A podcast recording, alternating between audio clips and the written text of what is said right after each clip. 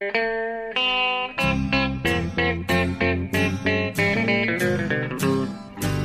out there, we're on the air. It's hockey night tonight. Tension grows, the whistle blows, and the puck goes down the ice. The goalie jumps and the players bump, and the fans all go insane. Someone roars, Bobby scores at the good old hockey game. Oh, the good old hockey game is the best game you can name. And the best game you can name is the good Hallå, hallå, hallå, hallå, hallå, hallå, hallå där, hallå, hallå. Hallå, hallå och välkomna till NHL-podcasten eh, med Jonathan Hallåmannen Ekeliv, ni hörde där, också känd som Bambi, Bamse, Onskan, eh, en massa saker. Ja. Eh, och jag, eh, och han är i Örby i Stockholm som ni vet, och jag då Per Bjurman i New York.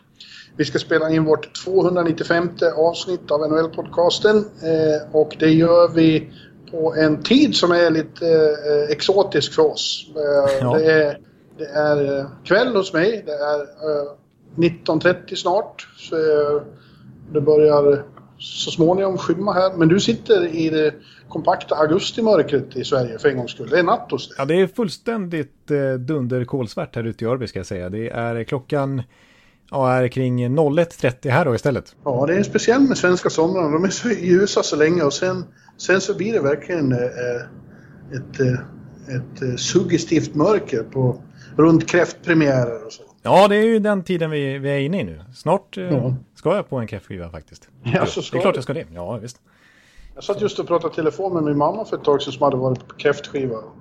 Eh, Och jag kom fram till att jag, jag, jag tycker om kräftskiva, jag tycker om allt runt omkring. Men jag är faktiskt inte särskilt förtjust i kräftor jag kommer på. Ett jävla pillande bara. Så Ja. Då är vi, då är vi detsamma. Det är, det är många lyssnare som rasar nu här som heligt försvarar kräftorna. Alltså.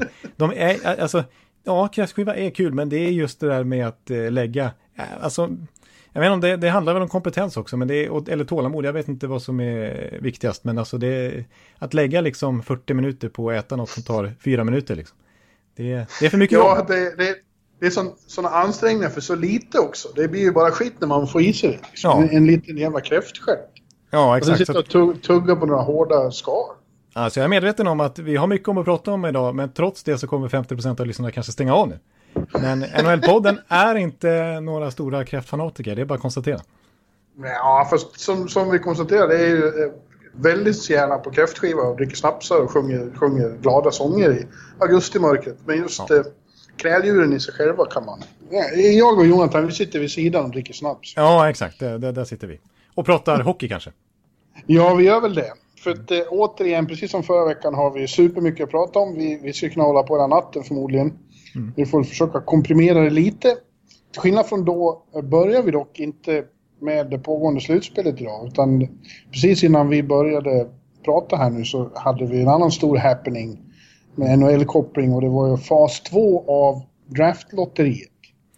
Ja, det skulle helt enkelt avgöras nu då, eh, vilket det här team, mystiska Team I är. Ja. Det var ju de som hade första draftlotteriet, ett play-in-lag helt enkelt. Och alla hade ju sen, alla förlorade i play-in-serien hade ju sen 12,5 procents chans att eh, få sin boll liksom uppsnurrad där i, där den skulle. Och eh, ja, det, det genomfördes nu, det lotteriet helt enkelt. Och det blev alltså New York Rangers. Ja, låt mig innan vi går in på det säga att jag har ju skrivit om det här och, och, och det är inte alldeles enkelt att göra det här begripligt för gemene man som inte är så insatt i NHL kanske. Nej, Men med fas 1 och fas 2 och varför det var varför, varför de här åtta lagen slog som första valet. Det, det, det är ju i sig logiskt men det tar ett tag att komma på komma fram till logiken. ja, alltså att förklara det här orkar jag inte göra igen. Det är en Nej. process i sig. Vi, vi bara konstaterar att Rangers vann helt enkelt. Ja, det gjorde de och det utlöste såklart en, en, en, en veritabel tsunami av, av konspirationsteorier på nätet direkt. Ja. Hävdar eh, en enorm mängd människor att det måste vara riggat så att NHL vill att Rangers ska bli bra. Ja, precis. Och man såg ju på bollen, den var minsann lite tyngre tycker folk. Det här, det där, det där hade Gary Bettman fixat inför liksom. Ja. Det är svårt att inte bli lite road av det, men samtidigt så suckar jag tungt. Eh, och så att jag får förklara, att jag får dra den här förklaringsramsan gång på gång på gång. Att eh, NHL är inte Gary Bettmans företag där han bestämmer och, och vill saker att det ska gå på ett visst sätt. NHL är de 31 lagen. De 31 ägarna bildar en organisation som heter NHL. Eh, där investerar de miljarder. Eh, att 30 av dem skulle gå med på att en favoriseras av en snubbe de har anställt för att sköta deras affärer. Det är så enfaldigt så jag blir, jag blir alldeles matt. Ja. ja. Nej, här, eh, trots att vi, vi, har, vi har inte ens några snapsar i oss nu, men Nej. skulle vi ens ha det så skulle vi inte tro att det är en konspiration det här, utan vi, vi konstaterar att Rangers hade turen på sin sida. Yes, för andra året i rad får man säga då, för de eh, klev upp ordentligt och fick andra valet i fjol. Och eh, Gorton själv såg jag just, eh, han har ju med sig till de här lotteriet, han har med sig polisbrickan som den här polisen som eh, alltid delade ut sitt pris. Steve, eh, ja, det borde jag veta vad han heter. Men, men, eh, och den har han i fickan då och det har gått bra nu två år i rad. Så han kommer nog att fortsätta med det. Ja, precis, men frågan är om Rangers kommer vara med så många mer draftlotterier på ett tag nu för att ja, nu, allt talar ju för att eh, även om några hipster-killar vill eh, lobba för en annan spelare, Quinton Byfield, men att Rangers kommer ta det stora affischnamnet, den som alla pratar om, Alexis Lafreniere, att han kommer gå som given nummer ett och det är svårt att säga emot då med tanke på hur han, ja det var ju MVP i vinterns JVM och han, han gjorde ju över ja, 112 poäng på 52 matcher i, i QMJHL under säsongen fram till uppehållet och det är alltså det högsta poängsnittet i kanadensisk juniorhockey. Sen kom McDavid. Så det är ja. ju ingen, det är ingen dålig spelare. Det är en av, det, han kommer kliva in i NHL och bli kanske dominant direkt. Nej, och de, de är ett New York-lag. De, eh, det här är en scen lika mycket som en stad. Och här är stora namn själva grejen. Mm. Eh, det skulle aldrig falla dem in att försöka vara liksom, nördiga. Nej. och ta ett klokare namn. Det är en big splash. Och det tycker New York Rangers om. Ja, det är, det är ingen snack om det. Så, eh. Men låt mig fråga, jag hade faktiskt lite kontakt med Tobias eh, Pettersson. Som mm. är, är prospect-kung i Sverige, håller på att bli nästan. Mm. Eh, om om liksom hur, hur bra han är. Han, eh, det är inte, enligt honom då i alla fall, så inte riktigt så här eh, one per generation talang som eh, Crosby och McDavid. Men nästan. Det är Austin Matthews nivå, även om han är winger då. Precis, det är ju ungefär det jag tycker jag har nämnt i tidigare podd också. Att det är väl typ Matthews man kan jämföra med när det kommer till kapacitet, potential. Ja. Eh, men det är ju lite då annorlunda att han, oftast är det ju en franchise-center vi brukar prata om som går nummer ett, men det här är ju en winger alltså. Ja. Zibanejad ja, kanske ju... kommande radarpartner. Ja, du har ju en, du har ju en viss fäbless för wingers och tycker till och med att de förtjänar uh, Selke-nomineringar och så. Jag tycker de är lite förbisedda. Ja, jag är att lite wingerkille. Centrarna får för mycket, för mycket crap. Ja, det pratas nästan alltid om dem och när man liksom topplistor så är ju enorm övervikt på centrar. Eh, jag är lite mer wingerkille faktiskt. Och Lafreniere är ju alltså vänsterforward. Samtidigt ska det ju understrykas så att bara för att man eh, plockar guldkornen i en draft så är det ju inga garantier. Det har vi inte minst de senaste dagarna bara fått eh, ytterligare bekräftelse på. Och hela Edmonton Oilers är ju ett, ett, ett långt enda bevis på det. De har ju haft en jävla massa draftettor och det blir ingen, blir ingen ordning i alla fall. Nej, precis, verkligen inte. Och när vi pratar om Austin Matthews så gick det ingen vidare för han i det här slutspelet heller. Nej. Eh, så att nej, det är absolut ingen garanti. Men det är klart att det är svårt att inte snegla på Rangers trupp och liksom bli fascinerad. För jag kommer ihåg att vi hade ett avsnitt här, det kan vara eh, halvannan månad sedan. Eh, där jag rankade de tre franchise, de tre klubbar med bäst framtid över en femårsperiod. Som borde ha liksom ja. bäst förutsättningar. Och jag plockade ut tre klubbar alltså och en av dem var Rangers. Och det var innan Lafreniere. Ja. Eh, det finns potential där. Det är, liksom, det är ju Zibanejad och Panana förstås, men det är ju Kakko som vi sa, som de tog i fjol som nummer två. På backsidan, så, som är lite svajig just nu kanske, så finns ju en Adam Fox som kliver in och nästan är Calder nomineringsmässig den här säsongen. Det finns Nils Lundqvist, en av SHLs bästa backar redan nu, som snart kommer över. Det finns Kendra Miller och så vidare.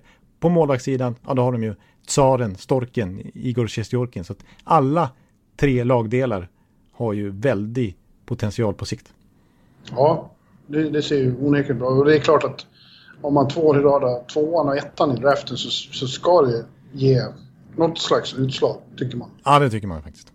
Ja, det blir intressant att hänga kvar på Manhattan ett tag kanske. Eh, även om The King försvinner så har jag ju Mika här.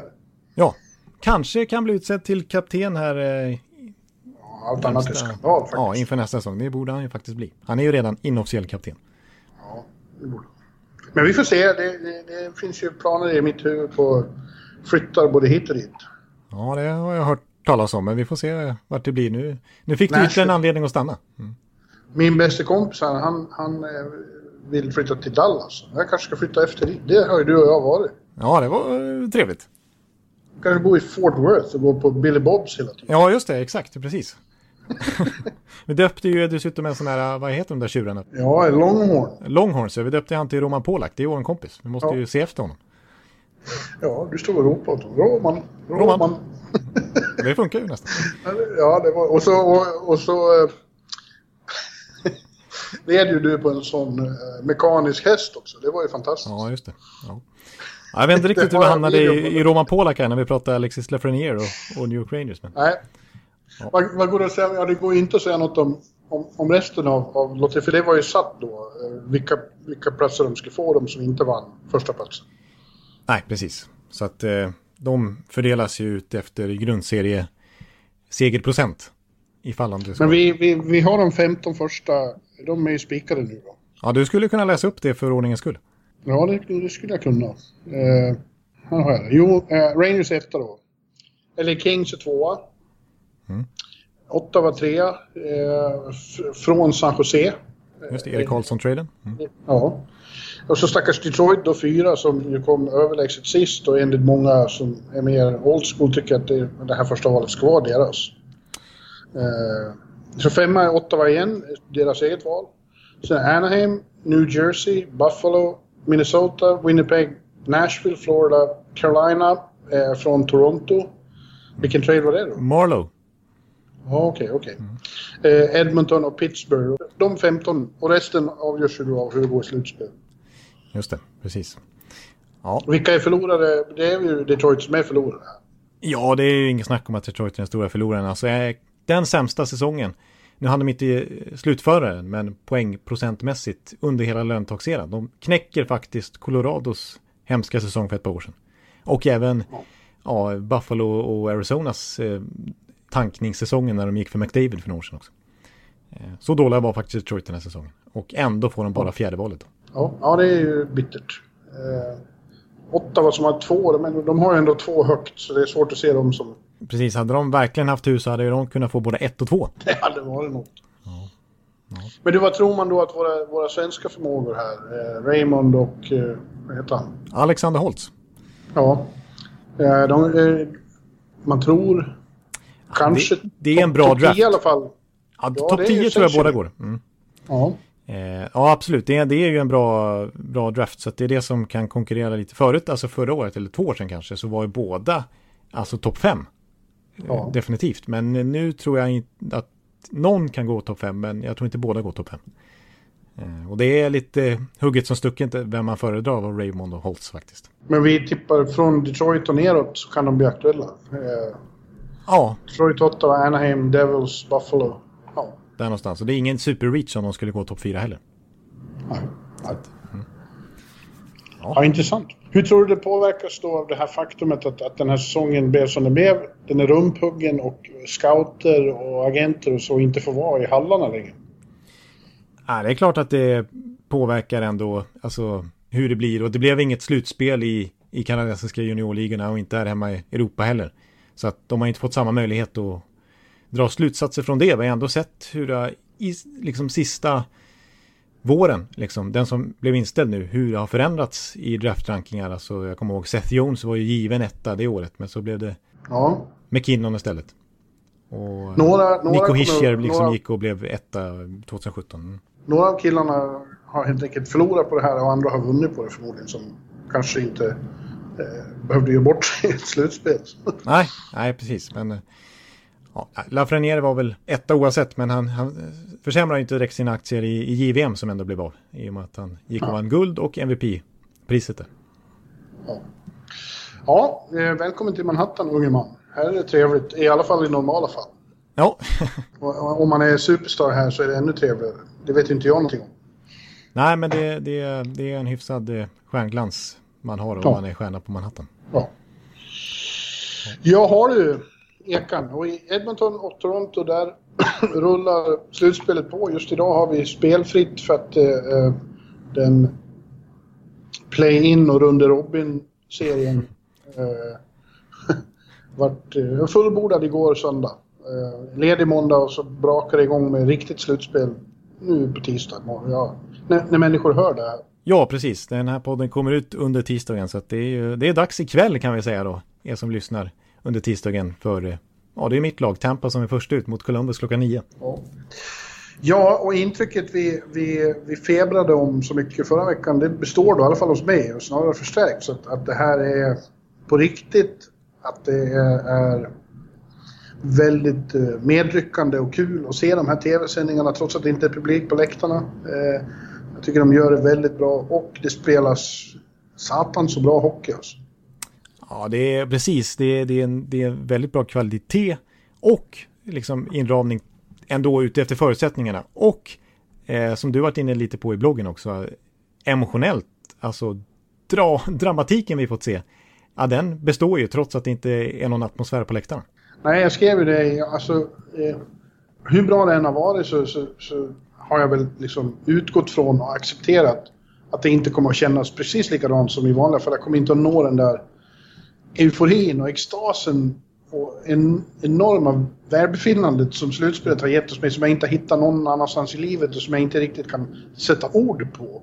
Mm. Som, vilket, vilket rus som jag känner i kroppen när det blir som bäst i Stanley Cup-slutspelet. Men mm. i fredags då, när, när NHL la ut den här veritabla bombmattan av draman. Sex ja, det... matcher, all, alla med do or die-faktor. Alla vart så jävla dramatiska. Då kändes det precis som, precis som vanligt. Ja, och det nåddes ju av klimax då när eh, Toronto gick från 0-3 till 3-3 sista minuterna och sen avgjorde förlängning. Ja. Då stod du på parketten. Ja, det stod jag på parketten och hoppade lite upp och ner. Så att, ja. Eh, jag kan inte se det som något annat än en succé. Och, idag kom det besked igen. Fortfarande noll, noll eh, positiva provsvar. De har fortsatt testa alla enormt mycket. Mm. Fortfarande noll. Ja, det är ju faktiskt fjäderhatten på alla, på alla sätt. Ja. Sen måste jag fråga dig också, för det har varit en liten diskussion det här. Alltså i normala tider då. Tycker du att det här eh, med play-in och sånt där eh, och till och med upp, alltså till och med 24 lag kanske i ett slags slutspel eller liksom förslutspel så här, att det är att föredra att det här är någonting som NHL ska fortsätta med eller ska man köra på 16 lag och, och klassiska slutspelsformatet? Ja, jag vet. Jag tog upp det här i bloggen också. Jag har sett att några föreslår det. Men jag vet inte, det känns som... Ja, det har ju varit, det har ju varit kul att se. Det har varit bra med bästa fem och, och det har gett viss edge och så här. Men skulle inte det urvattna grundserien ännu mer om det bara är sju lag som inte ska vara med i slutspelet? Ja, jag, jag, tycker, jag tycker personligen det också. Alltså att det devalverar grundserien. De spelar ändå ja. 82 matcher. Eh, och det finns, jag, jag gillar ändå att NHL hållit fast så hårt i 16-formatet så länge trots att ligan utökats. Eh, ja. För det är något speciellt med Stanley Cup-spelet och det är så enkelt utformat också med hur det funkar med den här tydliga bracket och så vidare. Alltså, ja, verkligen. Det är inget svårt att förstå. Det, det, det, är liksom, det är historia. Men det har ju varit väldigt svårt att förstå för återigen gemene man som inte följer det så noga som vi gör. Vad är det här för någonting? Round Robin, vad pratar du om?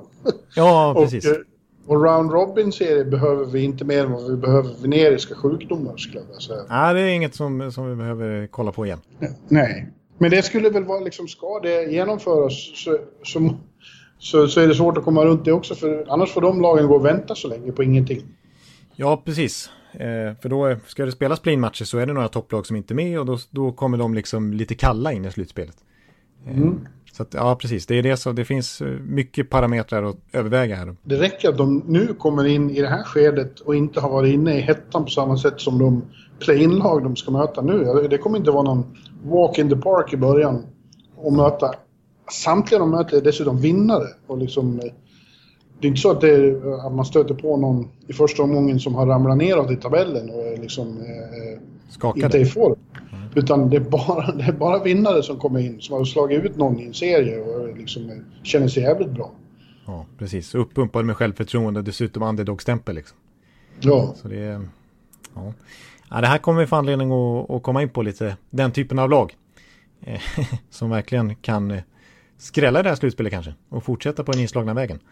Eh. Ja, har du något mer att säga innan vi tar för serie och ser vi, vad vi tror? Nej, jag tror faktiskt att det är dags att, att, gå in på, på alla de åtta som väntar här nu när det traditionella, det riktiga slutspelet börjar.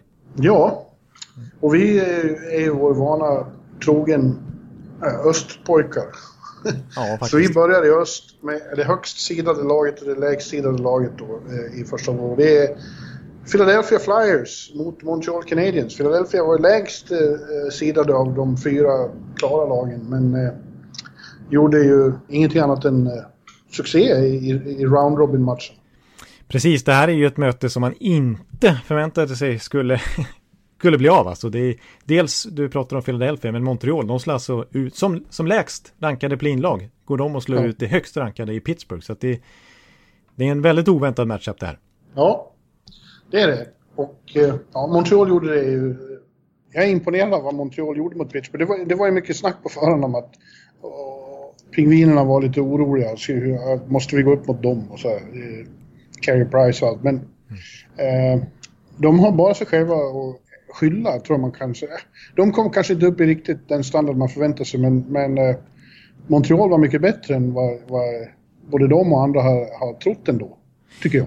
Ja, alltså det, de behöver inte be om ursäkt för att de gick vidare. De var ju, alltså jag tycker Pittsburgh försökte. De, liksom, de, de sköt mycket skott och det, de hade sina chanser. Men nej, jag tycker inte Montreal behöver be om ursäkt för att de gick vidare. De är ju intensiva. Det är ju den här hockeyn som de står för nu sen ett tag tillbaks när Mark Bergevin har switchat om lite filosofin där med mycket ettrigare hockey med ganska små, småväxta spelare i alla fall på forwardsidan. Sen har de en väldig massa storväxta backar istället.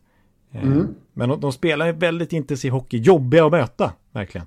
Och så har de ju en Carey Price som ju kan komma upp i den här nivån som han gjorde mot Pittsburgh nu.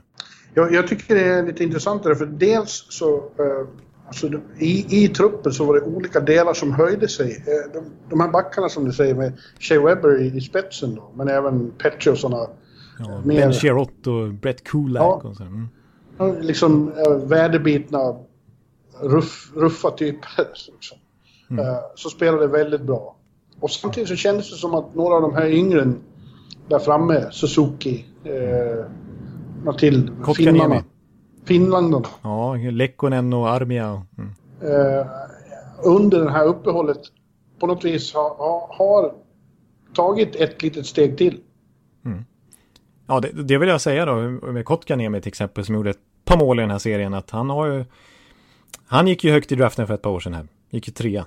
Eh, första 00-födde spelaren tror jag att eh, debutera i NHL också. Ja, just det. Det var han. Han hade ju dock en liten sophomore slump här eh, under vintern och, och, fick ju faktiskt spela AHL istället för uppe med Habs. Efter att ha varit ordinarie första säsongen. Men han har ju verkligen legat på och använt det här enorma, enormt långa uppehållet till att liksom få fart på sin karriär. Han har, jag har sett att han har styrketränat sex gånger i veckan. Eller sex dagar i veckan ska jag säga, inte bara sex gånger i veckan, mer än så. Och han har tagit hjälp av en finsk olympisk skridskoåkare för att förbättra liksom benstyrkan och tekniken i skridskoåkningen. Så att, eh, och det märks ju att, han har liksom, att det är en bättre Kotkaniemi nu. Och, och som du säger, Suzuki har ju varit en revelation också. Ja, det har de. Eh, det var vi väl kanske lite inne på redan förra avsnittet. Det kanske är den första center eh, de inte har haft på ett tag. Ja, precis. Och då, vi har ju snackat, när vi pratar om Montreal tycker jag också att vi brukar prata om att kanske saknar den riktiga spetsen, men att de ändå har ju fyra kompetenta kedjor. Ja. Och det är liksom, får man ju se här i den här serien mot Pittsburgh, det är faktiskt så att de, deras tre bästa målskyttar i grundserien, Max Domi, Thomas Tatar och eh, Brennan Gallagher, de gjorde noll mål mot Pittsburgh. Ändå går de vidare ja. mot dem. För att de ja. har ju liksom, de har som sagt fyra kedjor som kan producera. Ja, och det är några som utmärker sig som man, som man ser liksom som, som mitt i klungan spelare som, är väl okej okay, men inget man tänker på som, en sån som Paul Byron till exempel. Ja, precis. Han gjorde storartade saker, framspelningar som var riktigt så här, wow. Ja. Ja, och han tycker jag är lite urtypen av det här nya Montreal, eller nya, nu, nu har de hållit på så här ett tag, men att den här speeden, ettrigheten. Eh, mm. Det här in your face hockeyn lite grann. Samtidigt var det ju så att Pittsburgh då eh, kom inte upp... Ja, vissa spelare kom inte upp i normalstandard. Framförallt tänker jag då på Malkin. Han var, han var riktigt blek i de här matcherna de spelade. Ja. Ja, det är väl risk att eh, Rutherford är het på hanen igen här och ska börja trada spelare som han har gjort de senaste åren. Sen om, om verkligen Malkin skulle ligga illa till som jag sett vissa fans. Det tror jag inte. Nej, men ta chansen här, eh, Malkin 34 bass nu och när han fortfarande har värde. Nej, jag tror inte han blir... Det skulle vara lite coolt att se Malkin i en annan tröja. Man har så svårt att se det. Men eh, det säger ju Rutherford hela tiden. Jag har inte sett han kommentera faktiskt efter den här slutspelserien. Men han har sagt det i sommar i alla fall att det finns inte en chans att han tradar honom. Kan du se Malkin i en Kings-tröja? Nej. I en eh, Jets-tröja? Nej. Nej. Toronto-tröja? Nej, men, men Crosby sa ju faktiskt här efter uttåget också att eh, fönstret håller på att bomma igen här. Det här var en missed ja. opportunity för dem. Det, de blir ett ja, äldre hela tiden. Jag menar, Malkin 34 bast, Crosby 33. Klart det är så. mm. Det händer oss alla. Ja. Men Philadelphia då, som de nu ska gå upp mot Montreal. Mm. Eh, de, är, de har ju eh, stigit fram som en ny favorit här. Det är ju bara så. För att eh, vi såg redan under grundserien att de, det, det hade hänt något med Flyers. Mm. Under Vigneault här. De, de, de de har liksom efter några år på väg åt rätt håll men det har vinglat hit och dit. De har fått rätt sorts stadga nu och, det är inte bara några få bra killar i första kedjan. Det är, inte, det är samma sak där, det är inte i första hand de som har utmärkt sig nu. Eh, Giro och, och Coots och, och Voracek utan det är sådana som eh, Lafton och... Och, och B. Kubel. Ja. ja. Ja, det är Så samma det, sak där. Det, måste... visat sig, det har visat sig att de har riktigt djup i truppen nu också. Precis, de var ju ganska passiva vid trade deadline tyckte man när vissa lag gick för liksom stora scoop och offrade first round picks och sådär. Så gjorde ju Flyers så att de tog in Derek Grant och Nate Thompson till sin bottom six. För att liksom mm. förbättra bredden snarare, alltså djupet snarare än, än spetsen. Spetsen har de. Mm. Men, eh, men bredden visar ju sig nu vara väldigt kompetent. För det är som du säger, eh, det var de som utmärkte sig i bottom six snarare än top six. För jag sa att det var i Montreal så liksom gjorde de här vanliga målskyttarna inte så mycket i första i serien mot Pittsburgh. Men i, i, i Philadelphias fall så var det faktiskt så att de du nämnde, Couturier, Giroux och Voracek, jag kan lägga till Hayes, jag kan lägga till Ben Reemstike, jag kan lägga till Connectney. Ingen av dem gjorde mål. Nej. Ändå slog de Boston, Tampa och Washington. Hayes stod för en jävla massa framspelningar och han var väldigt ja, bra. Precis. Men eh, inte ett enda mål i powerplay till exempel.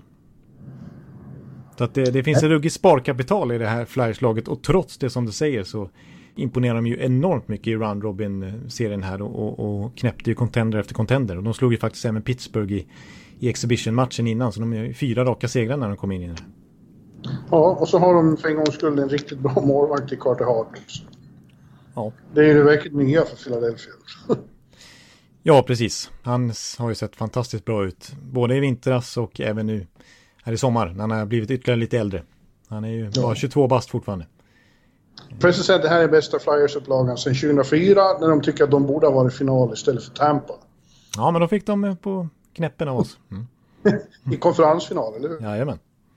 Game 7. Mm. Mm. Så att det, det ja. poängterar vi. Mm. Men det, då kommer man tillbaka till hur högt man ska värdera de här round robin-matcherna. De hade inte samma intensitet som eh, de matcher som verkligen gällde mycket i de här bästa fem-serierna. Eh. Så, men alltså, som de har sett ut nu så är det svårt. Jag, jag applåderar Montreal, jag tycker de har gjort det riktigt bra, men jag har svårt att se att de ska kunna fälla Philadelphia i en serie av bäst av sju. Nej, precis. Nu snackar vi ändå bäst av sju här. Ja. Ehm, och ehm, ska jag komma med ett tips och säga att Flyers tappar några matcher, men det blir ändå 4-2. Ja, jag tror att de kan tappa första matchen faktiskt. Mm. För att det är just av anledningen vi pratade om nyss, att Montreal kommer in med så uppumpade och har spelat eh, do or die-matcher. Och, och, eh, kanske, ja, tar dem bara därför. Men i bästa av sju, så jag säger samma sak. 4-2 till, till eh, Philadelphia. Ja, ja det, det, då var vi enade där. Och, ja. ja. då kommer vi till en serie här som jag våndas för. Usch, den här vill jag knappt ja. prata om. Nej, där har vi då returmötet mellan Tampa Bay Lightning och Columbus Blue Jackets. Precis samma som i fjol eh, i första omgången. Och då slutade det i elände och katastrof för ditt lag, för Tampa Boys. Eh, med en sweep från Columbus sida. På pappret eh, ser det ut att vara helt omöjligt i år därför att Columbus har ju tappat det de hade av spets då i form av Panarin och Matt Duchene och, och målvakten Bobrovski som ju faktiskt var NHL-målvakt på den tiden och inte en, inte en, en amatör från cirkusen. Ja, nej precis. Det... Men nu, nu, har vi, eh, nu finns det en massa män ändå. Och det största männet är ju att Tampa inte, som vanligt inte ser ut att komma till spel med fullt manskap. Stamkos är borta, det verkar ju helt givet som vanligt. Men tyvärr så gjorde ju Victor Hedman illa sig i sista round robin-matchen också på ett konstigt sätt. Han trampade fel. Ja, precis. Och, äh, ja, han kunde ju faktiskt ta sig av för egen maskin relativt enkelt såg det ut som. Men utifrån hans reaktion emotionellt så såg det ja. ut som att det nästan var tack och godnatt för det här slutspelet. För han var inte nöjd. Och han bankade klubban i, ja, i inredningen där höll jag på att säga. Med stenhårt på, ja. på läktaren på väg ut där. För att eh, han förstod att det här kan ja. vara allvarligt. Ja, det indikerar att han insåg att det här var något som inte alls var bra. Nej. Nej och, och vi får väl hoppas att det inte är så. De har inte sagt, de har inte sagt hundra att han inte kan spela imorgon. Eller ikväll då ska vi säga. Nej, under tisdagen här när många av er lyssnar på det så, så eh, ska det komma besked eh, från Tampa hur, hur illa det är. Eh, men de har inte ja. De har faktiskt inte ruled out helt att han ska komma till spel direkt. Och hur bra de nu än är så tappar man inte sin eh, eh ständige Norris Trophy-kandidat utan att det märks. Nej, precis. Så det, och han var ju faktiskt borta stora delar av förra serien också mot Columbus i fjol. Och det märktes. Ja. ja. Ersätts förmodligen av Braden Coburn. En till åren kommer Braden Coburn och det är ju inte samma klass som en Norris-mässig Victor Hedman i sin prime. Nej. Och de ska upp mot ett eh, Columbus som som sagt inte har samma spets som i fjol. Men som har en fantastisk laganda, fantastisk lagmoral. Är fantastiskt välcoachade och eh, är extremt svåra att spela mot. Ja, precis. Det är ju lite eh, ironiskt nästan att eh, Panarin, Bobrovski och Duchene som jag just nämnt lämnar för att de tyckte gräset var grönare på andra sidan och mer pengar i, i plånboken. Men de är alla borta nu. De har lämnat bubblan. Ja. Och eh, det är det här eh, Columbus-laget som var totalt utdömda som ingen vill vara kvar i som, som är vidare. Nej, som, som, som slåss för att få respekt. Alltså de känner att de inte blir tillräckligt respekterade. Och det är ju tårtans eh, honnörsord där. De får inte den respekt de förtjänar. Och det är såklart eh, ett bra bränsle att köra bussen på. Ja. Ja, och sen måste jag också nämna faktiskt Kekkeläinen. Jag vet att det är en liten käpphäst att jag återkommer till honom. Men han, han är ju bra på, på sina udda val han sysslar med. Alltså, bara att han anställde Tortorella en gång i tiden var ju otroligt kontroversiellt med tanke på att alla hade kallade Tortorella för dinosaurie och aldrig mer skulle få ett NHL-jobb igen. Efter sitt World Cup-fiasko och Vancouver-fiasko och sådär. Eh, men det är ju en, ja, vi känner igen Tortorella på många sätt, men han har också anpassat sig till dagens hockey. Absolut, det är ju det som är hans styrka. Den styrkan trodde inte jag att han besatt, att kunna anpassa sig. Ja. Men efter World Cup 2016 så gick han, han genomgick en slags eh, förvandlingsnummer då och uppdaterade sin filosofi både, ja, inte så mycket som ledare, men, men som hockeyfilosof i alla fall. Ja, precis. Och sen så har vi då ja, det faktum att han eh, högst oväntat valde, inte valde sin eh, landsman Jesse Puljujärvi i draften där 2016 när eh, Columbus hade tredje valet och Puljujärvi var solklart rankad som nummer tre. Han tog Pierre-Luc Dubois istället och Puljujärvi hemma i Finland. Dubois är första center i Columbus och gör det väldigt bra och var fantastiskt bra den här Toronto-serien. Ja, det var han sannerligen. Eh, en viktig härförare faktiskt. Ja, det var ju, det var ju kanske hela eh, play-in-rundans, ja det blev ju den mest dramatiska eftersom det var den enda som gick till fem matcher. Ja. Eh, men den innehöll ju också eh, otroliga draman. Eh, eh, i, i, i, game... I tredje matchen så var det Columbus som låg under med 3-0 och vände och vann med 4-3 efter övertidsmål av, av Dubois. Men han gjorde, gjorde ju hattrick i den matchen. Ja, ja. Matchen därpå, eh, miraklet i Toronto, det räknades i alla fall då mm. som ett av de, ja det kanske största miraklet i Maple Leafs historia. När de ligger under med 3-0 i fyra minuter kvar och de lyckas i alla fall utjämna. Ja. Och vinner sen på övertid. Och så blir det, sen gör Columbus, processen tycker jag kort med dem i sista matchen. De, de gör tidigt mål och sen tömmer de matchen på syre. Och Toronto kommer ingenstans. Och nolla faktiskt, Torontos offensiv. Ja. Ja. Korpisalo tillbaka i kassen. Tortorella vet ju hela tiden vad han ska göra. Han är en jävligt bra matchcoach. Det kan ingen säga något annat än. Nej, nej det är ju bara, det, det har jag starka erfarenheter från i fjol också. Oerhört frustrerande ja. att möta det här laget och nu ska jag möta dem igen. Så jag, jag vill liksom fortsätta lite, knyta upp säcken där med, med Kekkeleinen, alltså när du nämnde Korpisalo. För att det var ju kontroversiellt det också, att man, ja, att han jobbar så hårt för att behålla honom i expansionsdraften och därav släppte William Karlsson till, till Vegas. Eh, ja. Och det kan man ju säga vad man vill om i efterhand, det var väl inte så klokt det heller. Men han har fått lite upprättelse nu i alla fall, varför han höll Korpisalo så högt. Han har ju varit lite utskrattad för, för det beslutet, men det är ingen dålig målvakt. Verkligen inte. Han, har ju varit, han var ju Allstar. Han var ju min, eh, han var ju min Allstar förra veckan. Och min också. Han är inte långt ifrån nu. Sen, sen förlorade de en match, eller, och då blir han bortplockad. Eh, då kommer Elvis in. Men så kommer han tillbaka och, och är superbra. Ja. Det är så elegant hanterat av, av Mr. Tortorella. Ja.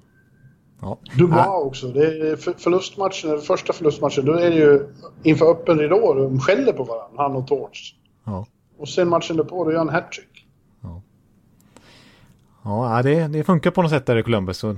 Jag har ju pratat mycket med Gustav, Hästpol och Gustav Nyqvist efter matchen. Och han, eh, han säger att eh, sammanhållningen och karaktären och moralen liknar ingenting han har sett förut. Han är stolt över att tillhöra ett sånt lag. Han har ju ändå då ingått i ett ganska hyfsat Detroit-lag en gång i tiden. Ja, så det är ganska stor ja de var ju skickligare. Men nu så vi, det är inget märkvärdigt med vår hockey. Vi spelar som, som vi gör, men vi, vi slutar aldrig. There's no quit. Nej. Spelar ingen roll vad... Och det är ju enormt starkt efter den där hemska smällen att tappa 3-0-ledning och försök på övertid på, som kanske också var en hård utvisning. Mm. Eh, bara släppa det och komma tillbaks två dygn senare och göra en sån match som de gör då. Det är, det är storartat. Ja.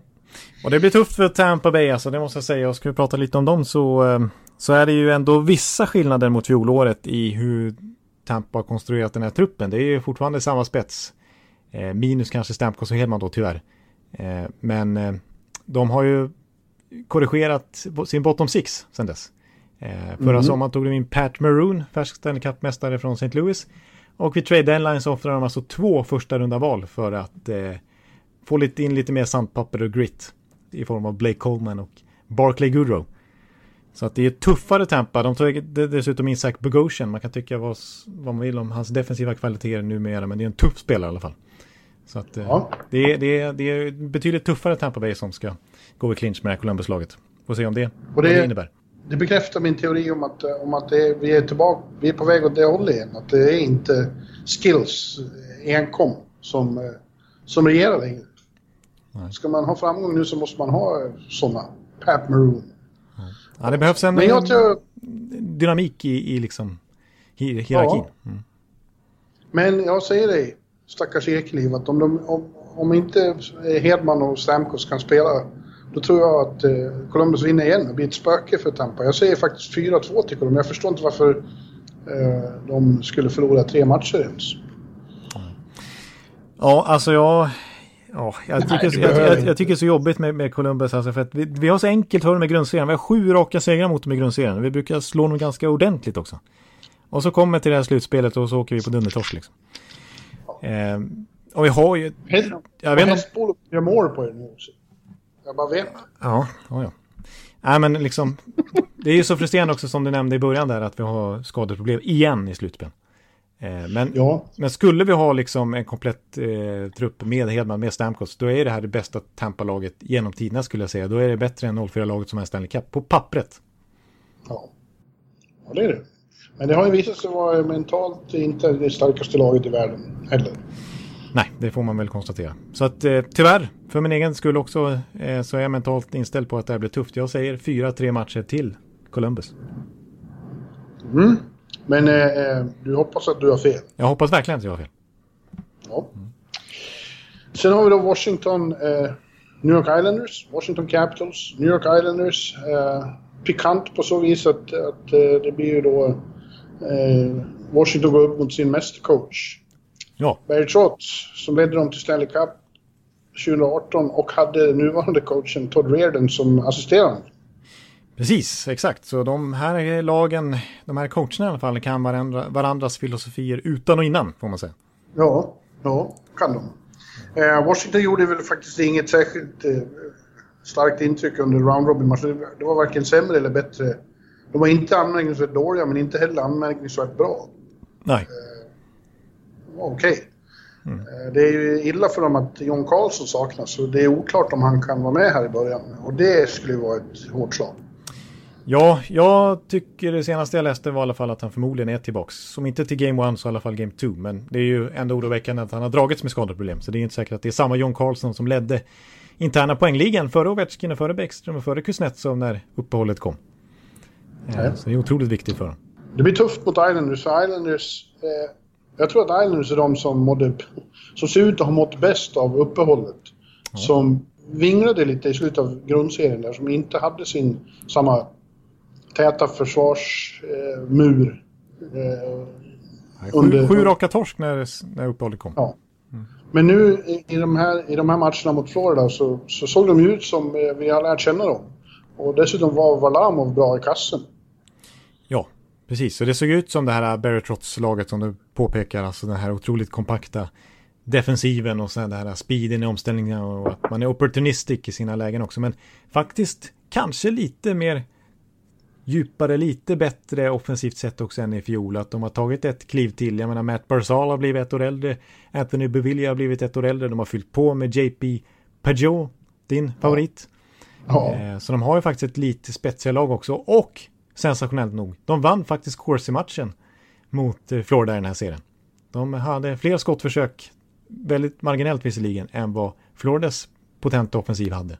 Och så brukar det inte vara. Islanders brukar ju vara, ja, de brukar ju verkligen inte dominera matcherna. Florida var en grav besvikelse måste jag säga. Och det, det slutar ju nu med att general managern får gå igen. Ja. Dale Talon är borta. Det, ja. Och uh, det kan jag förstå, som de har satsat. Och, och det blir så, så liksom blaha blaha igen. Precis, spendera till lönetaket för det känns som för första gången i typ Panthers historia. Eh, tar in eh, Bobrovski, eller Bobrövski som du säger, på det här monsterkontraktet. Eh, och så blir det inte bättre än så här. Eh, men Dale Tallon har faktiskt inte gjort så mycket eh, bra moves under sin period sedan han tog över efter Analytics-gänget som de sparkade ut med huvudet före. Eh, han började med att, skänka bort Jonathan Marches och Riley Smith till Vegas. Som han, och dessutom var han hånfull när han kom tillbaks. Ja. Visar vi datapojkarna. Det var inte så bra. Nej, precis. Och sen så det här Bobrovski-kontraktet. Det, det, det är liksom, ser ännu märkligare ut. Alltså nu med facit i hand när det har gått så dåligt naturligtvis. Men, men också det faktum att han någon vecka tidigare hade draftat Spencer Knight. En otrolig, alltså typ nye Carter Hart kan man väl säga. Alltså gick ju som nummer 13 i draften redan. Florida tog honom och det är liksom typ högsta målvaktsdraftvalet på 10-talet i princip. Eh, och, och som stod i VM i vintras för Kanada. Där har de ju en väldigt spännande framtidsmålvakt. Men nu sitter de ju på 10 miljoner med Bobrovski i sex år till. Eh, väldigt konstig liksom, prioritering där på general manager-nivå. Liksom. Ja. Så, ja, ja eh, det, men eh, samtidigt var absolut var Islanders bra. Ja, precis. Så att, eh, nej, jag tror att jag, nej, jag tror det kan bli lite småtufft för, för Caps alltså. Det, de är, visst, de är, de är, de har ju bättre spelare. Exakt, och jag vill nog påstå ändå, jag, jag måste tro att i längden så deras vassare spets avgör. Men jag tror att det blir, det blir inte lätt. Men jag säger 4-3 till Washington med, med viss tvekan. Ja. ja, jag kan nämna det också i sammanhanget att sen Beartrots lämnade Washington för Islanders så har de mötts åtta gånger, de här två lagen, och det står 4-4 i, i matcher. Så att det, det kommer bli ja. jämnt det här. Ja. Eh, och jag har velat mellan eh, 4-3 matcher till ena laget eller andra och jag landar till slut i Washington jag också. Faktiskt. Jag tycker de har så pass bra lag.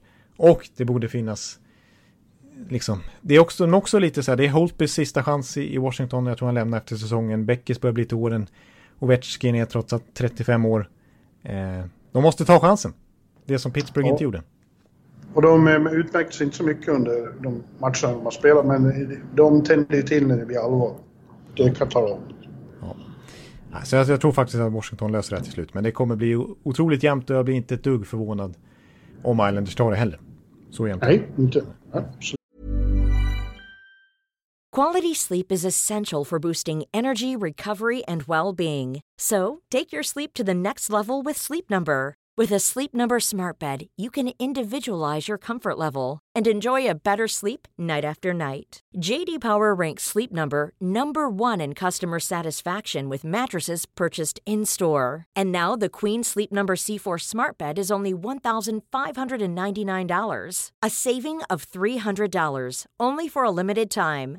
For JD Power 2023 award information, visit jdpower.com/awards. Only at Sleep Number stores or sleepnumber.com. Eh, sista serien i öst. Intressant. Det är Boston Bruins, Carolina Hurricanes och eh, Boston har ju eh, orsakat stor oro i sina supporterled. För de är ju de som har sett sämst ut.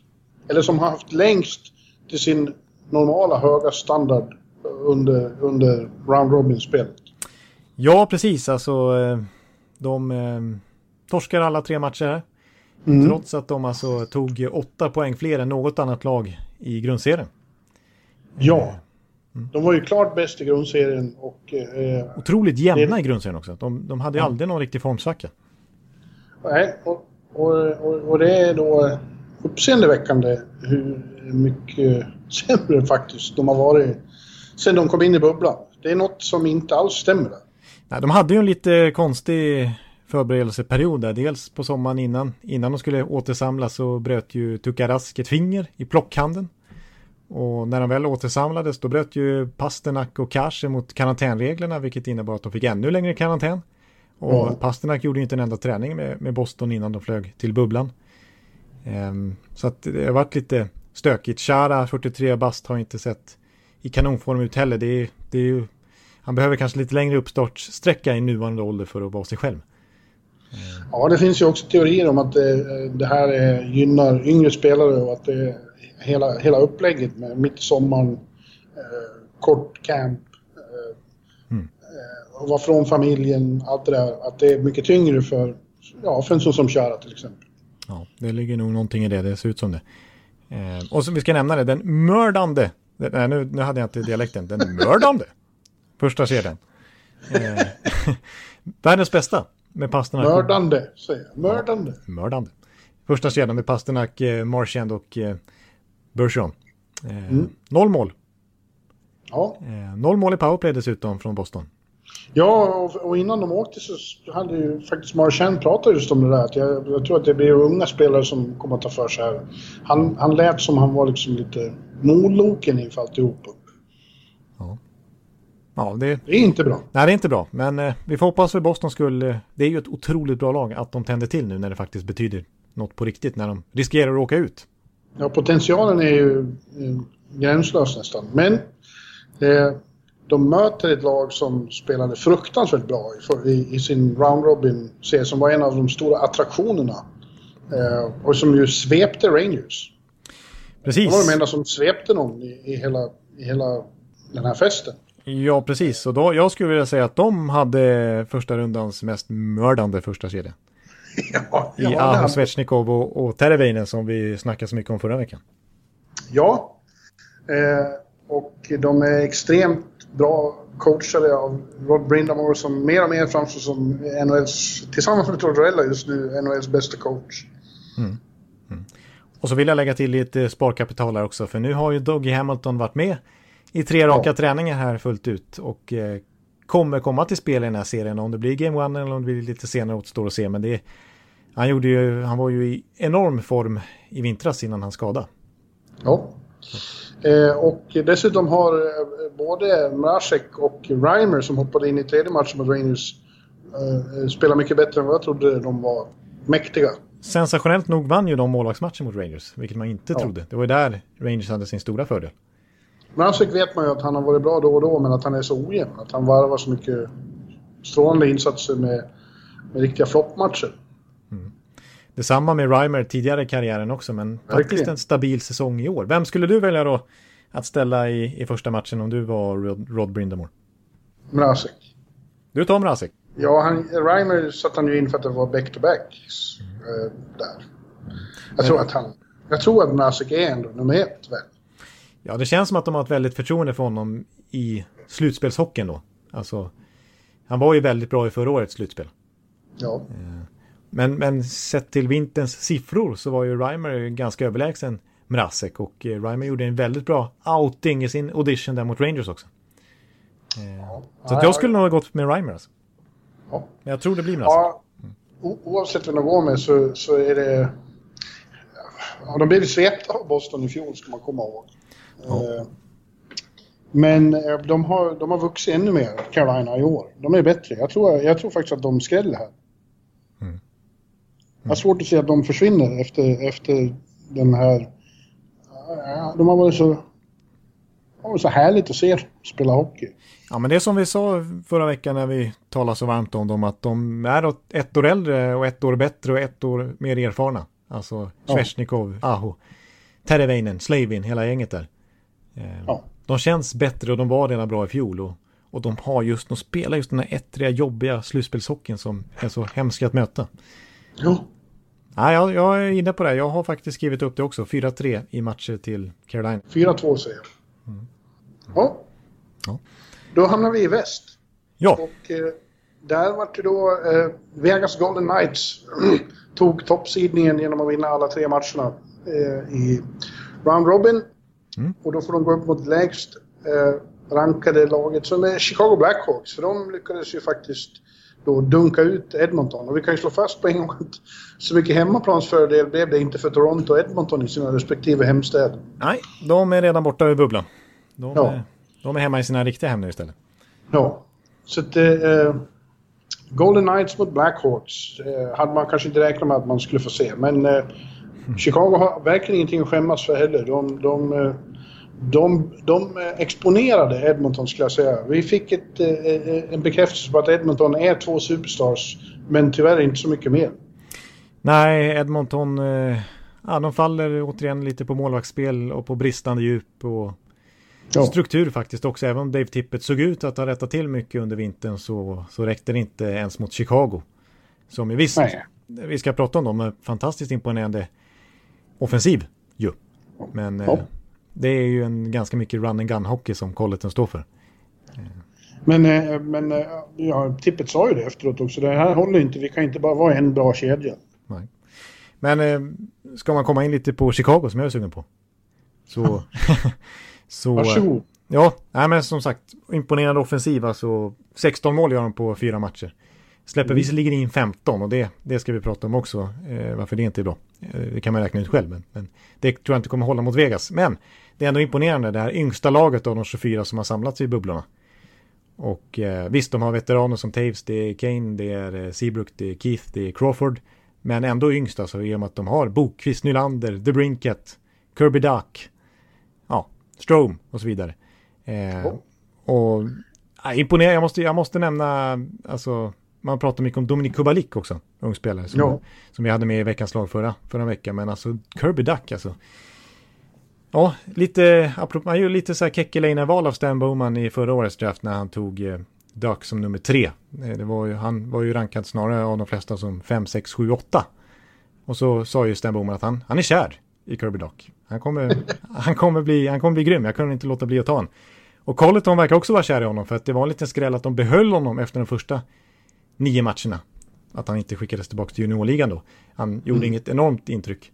Eh, men eh, Colleton sa det att ja visst, han är inte helt well-rounded just nu. Men kolla i februari-mars när vi har fått jobba med honom en hel vinter så kommer ni se att det är en bra spelare. Och nu när det är sommar så är det faktiskt så att Kirby Dock spelade mest av centrarna i laget. Han eh, snittar över 20 minuter per match i den här serien mot eh, Edmonton. Mer än Jonathan Taves faktiskt. Och han spelar boxplay och, och så vidare. Han, det är en riktig Colton-favorit och han är redan nu håller han på att etablera sig som en riktig nyckelspelare för honom. Men jag vill samtidigt säga att, att uh, Jonathan Taves såg tio år yngre ut uh, i, ja. i den här serien. han var enastående och uh, det, det är väl lite som med, med, Montreal att det var både, både gamlingarna fick, fick nytt liv samtidigt som de här yngre runt omkring de plantorna på något vis blommade ut här efter uppehållet på, på ett imponerande sätt. Ja, precis. Det var Jo men så kan man väl säga för det, det var även Keith var bra, Kane är bra i vanlig ordning, Crawford i kassen. Eh, ja. trots 15 insläppta mål så var ju han fantastiskt bra. För det är ju problemet som jag tror inte kommer räcka mot Vegas. Det är ju defensiven. Det är fortfarande så att de släpper till väldigt mycket chanser. Ehm, de hade alltså, om man räknar skott från slottet eh, inne i, i, i Chicagos slott som, som Edmonton sköt så var det 71 stycken. Det är överlägset mest av alla lag. Ja. Det, det, det är svängdörrar fortfarande. Colleton, Colletons hockey är inte helt stabil. Nej, så är det ju. Det är en sak att, att fälla ett two-headed monster som inte har så mycket runt omkring sig. En helt annan att försöka ge sig på en lagmaskin som Vegas. Precis, som har två första kedjor. Ja. ja. Och eh, drillade av en superb coach. Två mm. utmärkta målvakter eh, och har redan sån rik erfarenhet av, av, av stora matcher i slutspelet. Mm. Uh, så applåder till Chicago, men det här tror jag blir en omöjlig uppgift. Det tror jag också och eh, jag vill nämna också det, man pratar mest om spetsen offensivt och den fina målvaktssidan, men ja, när, när det här Vegas-laget kom till så skrattar man nästan åt den ihåliga backsidan.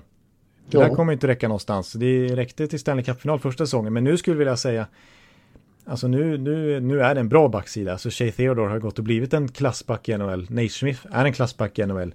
De fyller på med Alec Martinez här vid trade deadline. Eh, det är en komplett trupp. Ja. Eh, och... Ja, det är, det är, det faktiskt. Och, och, och, och, nu blir den ännu starkare än vad den var i round robin för nu har Max Pacioretty dykt upp i bubblan också. Precis, så det är inget... Det är ingen dålig förstärkning. Jag gjorde väl ja, över 30 mål i grundserien innan uppehållet, så det, det superförstärkning. Så att, eh, och där vill jag också fråga dig. Vem skulle du ställa i kassen? Fleury eller Lener? Ja, den tycker jag är väldigt svår. Den tycker jag är svårare. Uh, jag, jag, jag, jag, den har DeBoer att ligga och fundera på på nätterna tycker jag. Lener är ju superbra men Flurry har ju varit kunglig för dem i, i slutspel genom åren här. De två år de har varit där. Ja, inte minst första året. mm. Men eh, den här vintern var ingen kanonsäsong med Flurry mått mätt, medan Lener var ju väldigt bra. Det är ironiskt nu att, att, alltså, att Chicago trodde de skulle missa slutspel och skickade bort Lener till Vegas. Och så ja. möts de nu, och så möter Lener just Chicago. Eh, men, det kommer att inspirera honom extra såklart. Nej, kanske Robin. Jag kanske skulle ställa Robin. Han stod ju två av tre matcher också. Här. Ja. Fleury var 76 procent i sin match. Ja. ja, men då säger jag Robin. Ja, jag tror faktiskt att det blir Robin som blir det första keeper. Mm. Eh, och det tror jag är rätt val också. Och jag säger då att, att eh, man kanske underskattar Chicago lite, men jag säger 4-1 till Vegas. Ja, men ska jag eh, skoja till och säga 4-0 här alltså? Oj, oj, oj, oj. Vegas. En sweep. Det blir en sweep. Ja, det sa jag att Edmonton skulle se. Ja, exakt. Så det här, är, det här ser inte bra ut när, när Chicago vinner här med 4-2 matcher. Men, men ja, jag, jag tror så mycket så pass mycket på det här Vegas-laget som jag tycker ser så komplett ut att jag tror att de tar fyra raka faktiskt. Ja. Man måste ju våga sticka ut lite också. Absolut, eh, Jonathan. Det måste man. Mm. Det tycker jag du ska göra nästa serie också. För där har vi då också som ser ojämn ut faktiskt. Och det är ju Colorado Avalanche mot Arizona Coyotes. Uh, Arizona lyckades ju faktiskt uh, dunka till Nashville. Och uh, är i riktigt slutspel för första gången sedan 2012. Mm. Och eh, gjorde det jättebra tycker jag. Eh, de utnyttjade... Nashville påstod ju när de kom dit att de var som ett nytt lag att allt eh, som hade hänt under grundserien var glömt. Men det var ju samma... Det var ju samma haveri igen. Ja, både och tycker jag. jag tycker faktiskt att de... oförmåga, oförmåga att komma upp i sin högsta kapacitet. Ja, jag tyckte ändå att de gjorde ganska bra insatser i, ju längre serien led och i match 3 och 4. Glimtvis, glimtvis Jonathan. De hade ju startat ju till exempel sista matchen i enorm forcering. Mm. Men när de inte gör mål så har de inte... Eh, och hamnar underläge. Det, det är de inte bra på. Nej, och sen så måste jag återigen poängtera att forwardsidan är lite överskattad alltså. Det, det, det, alltså man gillar ju Filip Forsberg, det är en fantastiskt bra spelare, Viktor Arvidsson. De tar in Matt Duchene, Ryan Johansson har varit där ett tag, affischnamn. Men eh, Fortfarande alltså ingen som har gjort 70 poäng i det där laget sedan eh, JP Dumont 2008. Och Duchene, jag måste säga, alltså det, vart Duchene än kommer så blir det ju bara pank. Han är bara i vägen människan. ja, hans eh, lag har inte gått så jättebra för. Ja, han var i Columbus i fjol då, men...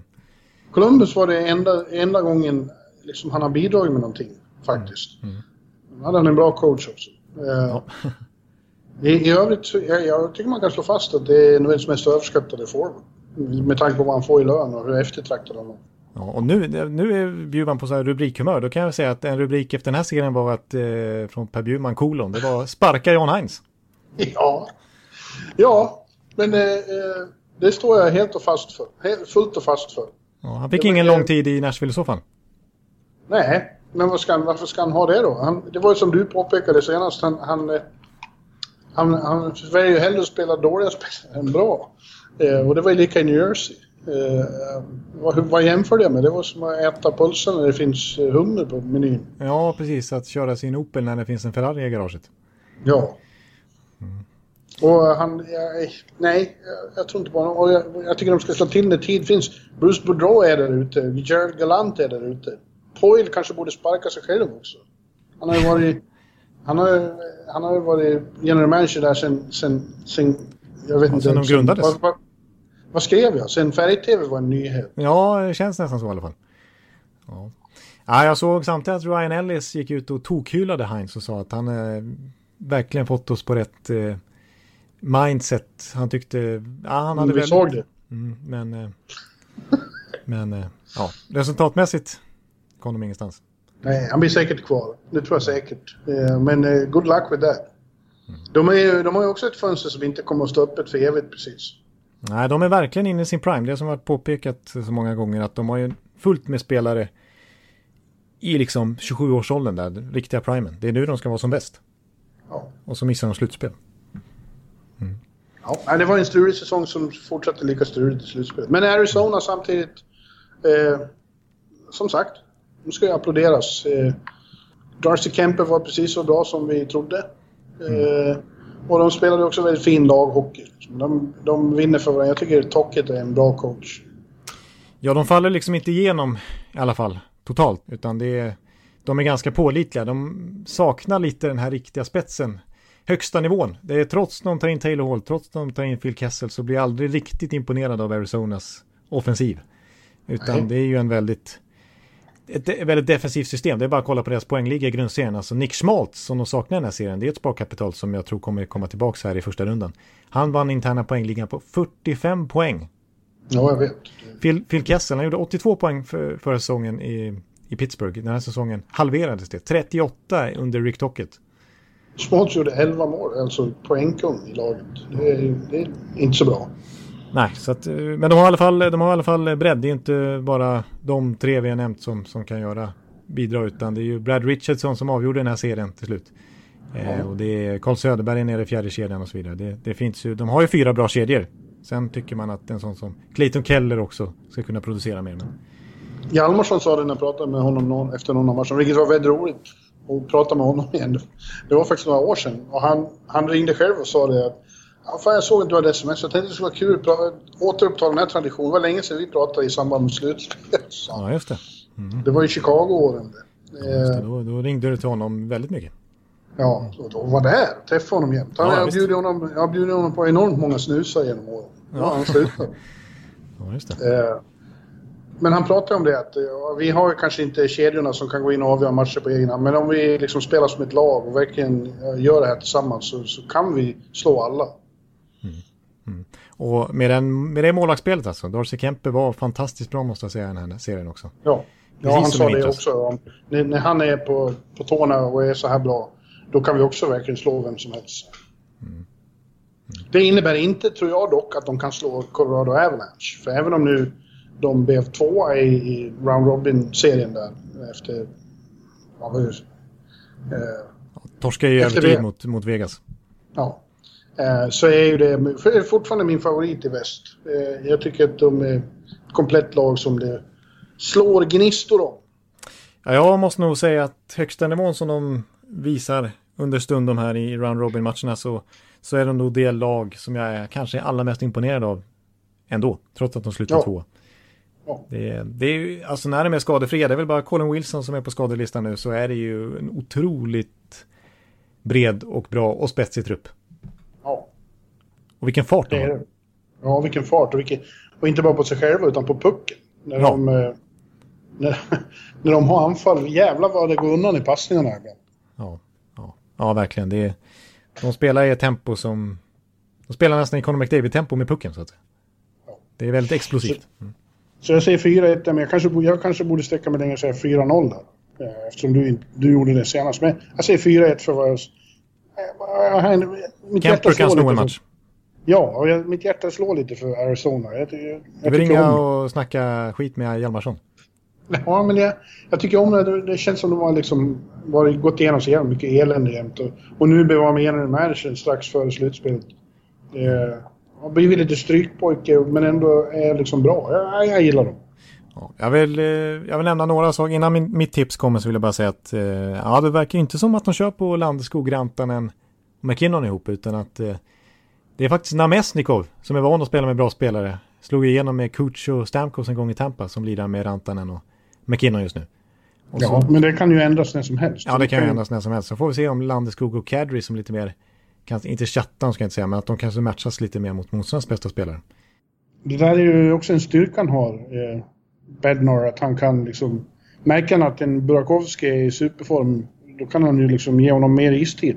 Ja. Eh, han har ju så många alternativ. Ja, det är ingen dålig tredje kedja med Burakovsky, Confer och Donskoj. Nej. Mm.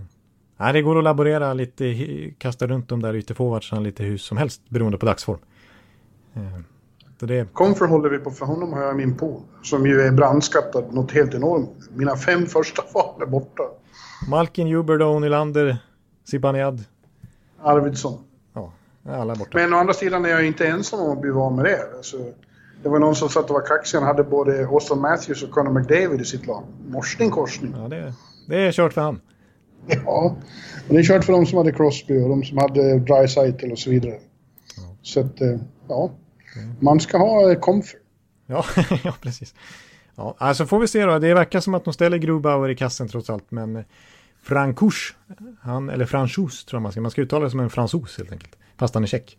Eh, noll mål han släppte in i bubbellivet här. Noll mål i träningsmatchen och noll mål i den matchen han fick mot Dallas. Så att de har också lite goalie, liksom, eh, val de står inför. Ja, mm. men vad säger du då? Ja, jag, ja, jag är nästan inne på att de ska ställa alltså, men jag tror det blir Grobauer. Ja, men jag menar tipset. Ja, tipset vill ha nu. Nej, men jag säger 4-2 då till eh, Colorado. Ja, okej. Okay. Jag tror att Kemper skär två matcher. Ja. Mm. Mm. Ja, sen har vi St. Louis, Vancouver. Och mm. eh, St. Louis har känts lite på samma sätt som Boston där i bubblan. Eh, de har också varit ganska långt ifrån sin högsta standard. Precis, eh, högst sidade laget i, i öst, Boston och högst sidade laget i väst, eh, St. Louis, båda sist i det här sidningsspelet. Torskade samtliga matcher. Ja. Eh, och eh, ja, som du säger där, som Marshall... Nej, vänta nu. De vann ju en match och förlorade två. Väl? Nej, torskade allihopa. De torskade mot Dallas också. Fuck. Mm. Då har jag skrivit fel här. Ja, just det. Då borde vi egentligen prata om Dallas Calgary. Ja. Men vi pratade om St. Louis Vancouver när vi var ändå inne på dem. Det blir fel. Ja, det måste jag ändra. Nej, de torskade allihopa och eh, ja, jag tyckte lite, lite samma snack som Marchand där. Var det liksom indikationer inför tyckte jag. Alex Pietrangelo, kaptenen, sa liksom tidigare, ja det var väl snarare i våras kanske, liksom att nej, det här systemet verkar inget bra och, och nej, vi, vi kommer inte spela några matcher om vi inte får vara kvar i St. Louis. Nej. Då är det ingen idé. Så de har, de har känts oinspirerade här och, och, och Craig Berube sa ju det också efter sista torsken här att ja, det kändes som att vi inte hade så mycket att spela för. Det var inte alls den här intensiteten jag van att se mina spelare ha. Och, ja, hemmaplansfördel, vad betyder det när, det när det ändå är inte är någon publik? Om man, vi inte får vara i St. Louis ändå. Så eh, nej, det var, det var ett väldigt oinspirerat blues. Ja, det var men, det. Men räkna inte bort dem vill jag bara säga. Det är ju alltså typ samma lag som vann kuppen i fjol. De ja, vinner ändå väst, västra konferensen måste jag bara säga i den här grundserien innan stoppet kommer. De har fått tillbaka Vladimir Tarasenko som ju missade hela vintern. Ja, om jag får en syl i vädret ja. så... Eh, så skulle jag just säga det, att jag tror eh, ändå nu när det blir riktiga matcher som betyder något så har jag svårt att se att Vancouver, som ju de ska möta, eh, verkligen ska kunna slå ut regerande mästarna. Vancouver gjorde det bra mot Minnesota, definitivt. De var ju, såg ut som lite som rådjur i the headlights i första matchen. Ja. Då såg de gröna ut och inte riktigt hade förstått vad slutspelshockey går ut på. Men de lärde sig väldigt fort.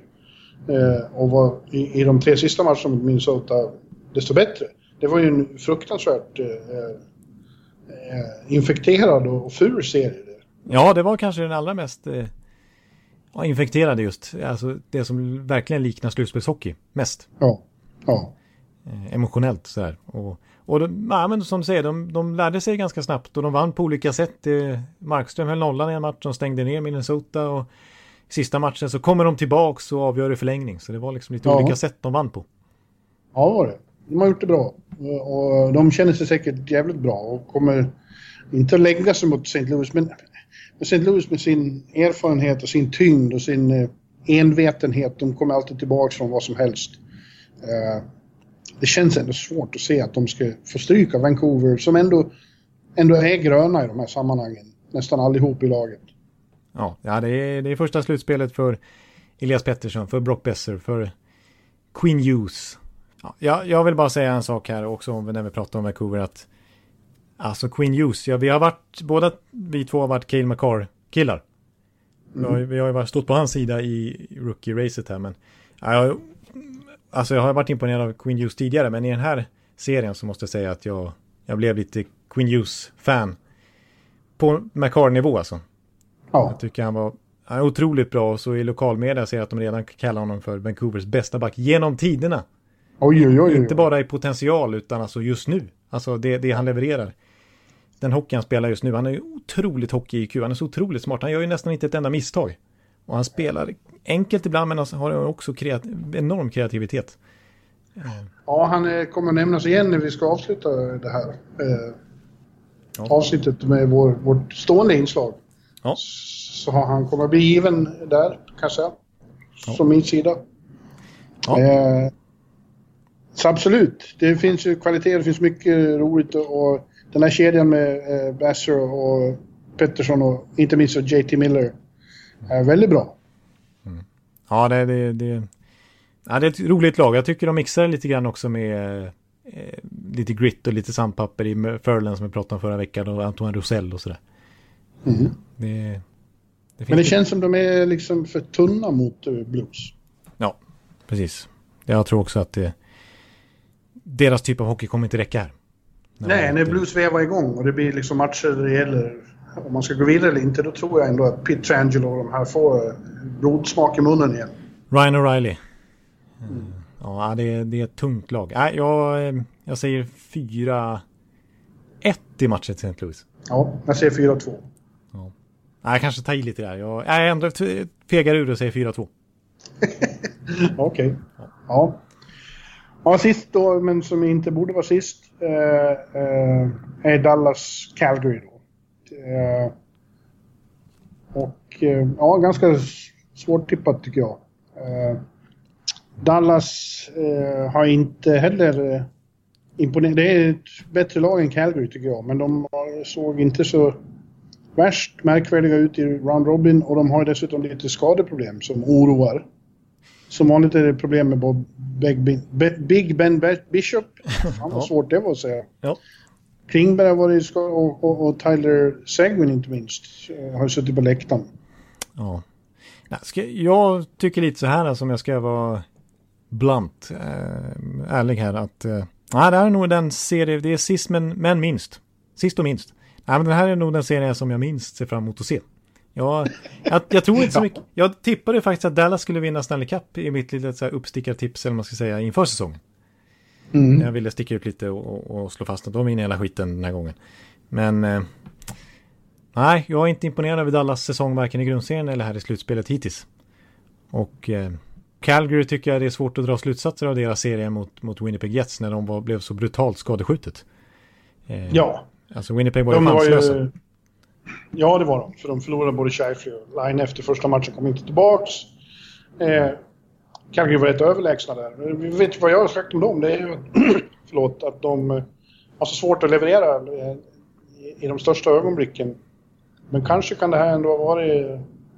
Nej, jag vet inte. De pratar mycket om det själva i alla fall, att de känner sig mycket mer förberedda taktiskt och mentalt ja. inför det här slutspelet. De har pratat väldigt mycket om den här fiaskoartade serien mot Colorado i fjol där de blev helt bortblåsta av Avs fart men de, de torskade i arbetsinsats och de torskade i struktur och sådär och att de är väldigt självmedvetna och att de har studerat de här matcherna och att det är en annan typ av Calgary vi kommer få se i det här slutspelet. Och ju längre in i slutspelserien de kom mot Winnipeg som visserligen inte har någon energi kvar så, så var det ett starkt Calgary, det var det.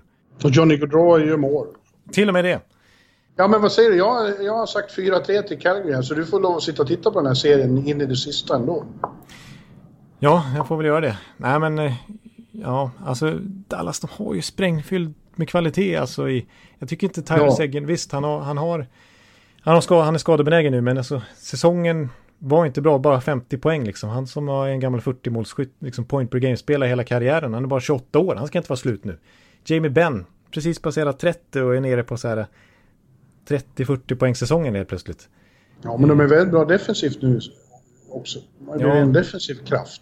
Sen har de eh, rävar som har varit med i slutspel förr i form av eh, Joe Pavelski och Corey Perry. Nu ska man inte räkna bort sådana som, som också var en besvikelse i grundserien liksom. Men, men Pavelski är bra, måste jag säga här nu i, i round robin-matchen i alla fall. Ehm. Ja, och sen så målvaktsspelet, alltså även om Bishop inte är med så har ju Sjudobin varit jättebra här i round robin och han har varit bra i grundserien också. Det är ju kanske ligans bästa målvaktspar. Ja. Och så det är, det är faktiskt ingen större försvagning om inte Bishop är med. Nej, men ja, vad säger du då? Nej, men jag tror faktiskt att... Eh, jag måste ju stå kvar. Jag kan inte eh, liksom skämma ut mig och, och, räkna bort Dallas nu när jag har tippat dem inför säsongen. Så jag säger 4-3 matcher i Dallas. Ja. Man, man hör sällan Ekeliv så så oengagerad i en, ja, oengagerad i en slutspelsserie. Ja, men eh, ja, nej, jag har följt Dallas mycket under säsongen och jag, nej, jag har tröttnat på dem. Och jag sa förra veckan att jag tröttnar på Flames också. Det är sånt där Ekeliv-lag som jag har hypat ja. nu i fem års tid. Jag har tröttnat på dem också. Kommer ju succé någon av dem och vinna ja, allt. Det brukar ju vara så. Ja, ja men du, då är vi igenom serien här.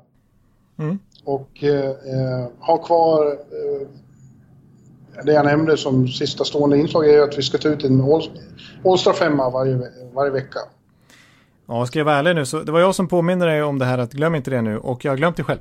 Ja, då får du lyssna på mig då. Ja, så får jag. Mm. Uh, jag ställde i målet ställde jag nog faktiskt ändå och nu uh, Carey Price. Korpisalo var ju förra veckan och är kandidat nu med. Darcy Kemper också, men jag, men jag jag tar Carey Price i handen och ställer honom i kassan och säger det här gjorde du bra Carey. Ja, det, det, det applåderar jag. uh, backarna då, där har vi just hyllat och nämnt Quinn Hughes. Han är given i denna veckas uppställning. Ja. Brev, bredvid så får han en riktig gammal veteran. Shea Webber ställer jag där. Ja, intern poängkung här i Montreal mot eh, Pittsburgh här. Han är... Ja. ja. Fortfarande... Så Shea Webber och Quinn Hughes har vi. Eh, och, och, framåt så tar jag, uh, ute på en kant har vi Anthony Bouvellier från Islanders. Ja. Som du nämnde tidigare, som ju var riktigt bra här i slutet av serien mot Florida. Islanders bästa forward. Ja. Uh, och så ställde jag faktiskt uh, ytterligare en veteran, jag blandar ungt och gammalt här. Uh, Jonathan Taves, som jag sa, tio år yngre plötsligt och uh, tände till enormt. han sa själv att när vi fick den här gratischansen att spela slutspel så kände vi direkt att det här ska vi göra något bra. Och, och, är liksom otroligt inspirerad och, och har fått ut, utlopp för sitt stora kunnande igen. Ja, det är svårt att säga emot hans, eh, hans serie mot Edmonton. Ja, så slänger jag ut eh, Aho på kanten igen. Sebastian Aho. Jag måste ha med honom. En gång till. Ja. ja, jo. För att han var så grym eh, även i... Ja. Han knäckte ju mig. Jag, jag, jag tjatar om det. Om han, ja, tänk om han spelade i Toronto, vilken superstar. Vilket affischnamn. Ja, han har ju faktiskt inte spelat en match sen vi spelade in förra veckan. Men det, han ska med ändå, han var ju så bra. Ja, det, det var väl kanske lite svårt. Vem ska jag ta då istället? ja, vem ska man ta? Vem ska man ta som, som eh, Dubois kanske? Ja, Dubois. Det har du rätt i. Pierre-Luc Dubois säger vi. Ja. Ja. Ja. ja. ja men eh, då, då har vi gjort vår preview av Stanley Cup-slutspelet 2020. Första omgången. Första omgången, precis. Det kommer mera. Det kommer mera. Det är inte sista avsnittet för säsongen utan det kommer diskuteras det här slutspelet ända fram till oktober. Som vi, som vi sa i början, det var 295 avsnittet. Ni vet vad det betyder. Vi kommer hinna, vi kommer hinna nå milstolpen 300 innan det här slutspelet är. Ja, kan det vara någon gång i september där när vi kanske ska previewa typ konferensfinalerna. Eller Ja. tidigare än så kanske till och med. Ja, jag tycker att det, hela lyssnarkretsen måste ställa till med fest och gå ut på gator och torg och sjung och, och blås i trumpeten. Ja. ja, precis. Jag måste börja förbereda en... eh, Jag har inte skrivit en enda låt i podden sen vi firar 200. Ja, du får skriva en 300-låt, det måste du. Ja, det måste jag göra. Så jag har... eh, Ring, ring Victor Norén, han har mycket att stå just nu. Eftersom han och Gustav håller på att ge ut sitt album. Men eh, eh, ring Victor för att du kan få hjälp. Han kanske är i form nu, liksom vid klipparbordet. När han ändå håller... Ja visst. Och han håller ju på Rangers så han är ju glad nu för första val och sånt. Ja, just det, det är klart. Så att det, det kommer inte vara svårt att övertala honom. Nej. Ja, men vi tackar för oss den här veckan och så, så önskar vi happy playoffs. Happy playoffs! Hej då! Hej! Hallå, hallå, hallå. Hallå, hallå, hallå. Alex Chiazot, Joe Luis Arena och Esposito. Esposito. Uttalsproblem, men vi tjötar ändå. Och alla kan vara lugna, inspelningsknappen är på. Bjuder Hanna Kohl, han är grym i sin roll. Från Kållesoffan har han fullständig kontroll på det som händer och sker. Det blir ju allt fler som rattar in hans blogg. Och lyssna på hans podd. One, two, three, speed, so Hallå, hallå, hallå. One, two, three, speed, so Hallå, hallå, hallå. Ekeliv, som är ung och har driv. Verkar stor och stark och känns allmänt massiv. Han hejar på Tampa och älskar Hedman. Sjunger som Sinatra. Ja, oj, där ser man. Nu är det dags för refräng. Dags för magi, Victor Norén. Du är ett geni. Så stand up at home and remove your hats. Höj volym, för nu är det plats. One, two, three, speed, so Hallå, hallå, hallå. One, two, three, speed, so Hallå, hallå, hallå. One, two, three, speed, so Hallå, hallå, hallå. One, two, three, speed, so Hallå, hallå, hallå. Det är otroligt länge sedan båda samtidigt var så här bra. Hallå, hallå, hallå. Det är otroligt länge sedan båda samtidigt var så här bra.